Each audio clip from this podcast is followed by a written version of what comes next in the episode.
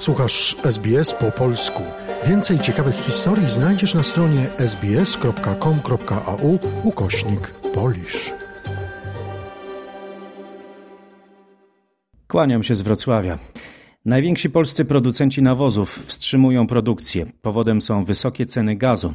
Rolnicy alarmują, że nawozów na rynku już brakuje. Producenci odpowiadają, że wciąż mają pełne magazyny, ale w rzeczywistości dostępność tego towaru jest ograniczona. A jeśli gdzieś w sklepie można jeszcze znaleźć nawozy, to po bardzo wysokich cenach. Ekonomiści zauważają, że koszty nawozów rosną regularnie od dwóch lat, czyli od wybuchu pandemii koronawirusa. Cena mocznika, który jest jednym z podstawowych nawozów, na początku 2020 roku oscylowała w granicach 1200-1300 zł za tonę, a teraz wynosi 5,5 tysiąca złotych. Rolnicy ostrzegają, że bez nawozów plony mogą być mniejsze o 50 do 70%. Może się więc pojawić konieczność importu żywności z zagranicy, a to na pewno przełoży się na jej ceny. Warto dodać, że branża spożywcza mierzy się także z problemem braku dwutlenku węgla i tzw. Tak suchego lodu. To produkty uboczne wytwarzane przy okazji produkcji nawozów dla rolnictwa, bardzo potrzebne na przykład w branży browarniczej, mleczarskiej i mięsnej, a także częściowo przy przetwórstwie owoców i warzyw. Brak dostaw dwutlenku węgla i produktów pochodnych może uderzyć w bezpieczeństwo żywnościowe Polski. Produkcja powinna być natychmiast wznowiona, nie zważając na koszty, ponieważ straty będą olbrzymie, ostrzega Andrzej Gantner, sekretarz generalny Polskiej Federacji Producentów Żywności. Do Sejmu wpłynął projekt ustawy o szczególnym wsparciu podmiotów poszkodowanych w związku z sytuacją na Odrze. Rząd przewiduje możliwość wypłaty jednorazowego świadczenia w wysokości 3010 zł na każdego pracownika. O pomoc będą mogli ubiegać się przedsiębiorcy przede wszystkim z branży turystycznej, gastronomicznej czy sportowo-rekreacyjnej. Aby otrzymać wsparcie, przedsiębiorca będzie musiał wykazać się spadkiem przychodów powyżej 50% w sierpniu w stosunku do poprzednich miesięcy tego roku lub sierpnia ubiegłego roku. Wnioski będzie można składać do końca tego roku. Jak zapowiadała w tym tygodniu minister rodziny i polityki społecznej Marlena Maląg, projekt w sprawie wsparcia dla przedsiębiorców z nad Odry zostanie rozpatrzony na najbliższym posiedzeniu Sejmu, które zaplanowano na piątek. Tymczasem wojewoda dolnośląski odwołał zakaz połowu ryb w Odrze. Od piątku można legalnie wędkować, ale złowione ryby należy wypuścić z powrotem do rzeki.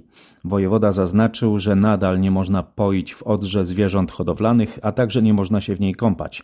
Zakazy połowu ryb, pojenia zwierząt i kąpieli obowiązują nadal w innych nadodrzańskich województwach, czyli w opolskim, lubuskim i zachodniopomorskim a w Warszawie rusza budowa nowej linii tramwajowej ze Śródmieścia do Wilanowa. To największa inwestycja tramwajów warszawskich od wielu lat. Linia ma rozpoczynać się na skrzyżowaniu ulic Puławskiej i Goworka, a następnie będzie przebiegać wzdłuż Spacerowej, Belwederskiej i Jana III Sobieskiego. Cała trasa będzie gotowa za półtora roku i ma umożliwić dojazd z Wilanowa do centrum w 25 minut. Ale zanim to się stanie, kierowcy i pasażerowie komunikacji miejskiej muszą się liczyć ze zmianami i utrudnieniami w ruchu. Wszystkie szczegóły można sprawdzić na specjalnej stronie internetowej tramwajdowilanowa.pl. A tymczasem Zamek Królewski na Wawelu bije rekordy popularności. Muzeum odwiedziło w tym roku już ponad milion turystów. Najbardziej oblężonym miesiącem był lipiec, wtedy wszystkie wawelskie wystawy obejrzało ponad 300 tysięcy gości. Jak mówi Andrzej Betlej, dyrektor Zamku na Wawelu, wynik jest tym bardziej godny podziwu, że w pierwszym półroczu Zamek Królewski i jego ekspozycje były w większości zamknięte. Na Wawel w tym roku też mało przyjeżdża turystów zagranicznych i większość odwiedzających to Polacy. Warto dodać, że w tym roku na Wawelu otwarto wiele nowych ekspozycji, a największą popularnością cieszy się nowy skarbiec koronny. Na koniec sport. Polscy siatkarze rozpoczęli walkę w Mistrzostwach Świata, które w tym roku organizują wspólnie Polska i Słowenia. Biało-czerwoni, którzy wygrali dwie ostatnie edycje Mistrzostw Świata, Potwierdzili, że są jednymi z faworytów także w tegorocznej imprezie. W swoim pierwszym meczu w Katowicach potrzebowali niespełna półtorej godziny, by bez większych problemów i bez straty seta wygrać z reprezentacją Bułgarii. Dzisiaj Polacy zagrają z Meksykanami, a w poniedziałek Polska zagra jeszcze ze Stanami Zjednoczonymi. Później rozpocznie się faza pucharowa mistrzostw, do której awansują po dwie czołowe drużyny z każdej grupy, a także cztery kolejne drużyny z najlepszym bilansem spośród tych, które zajęły trzecie lokaty.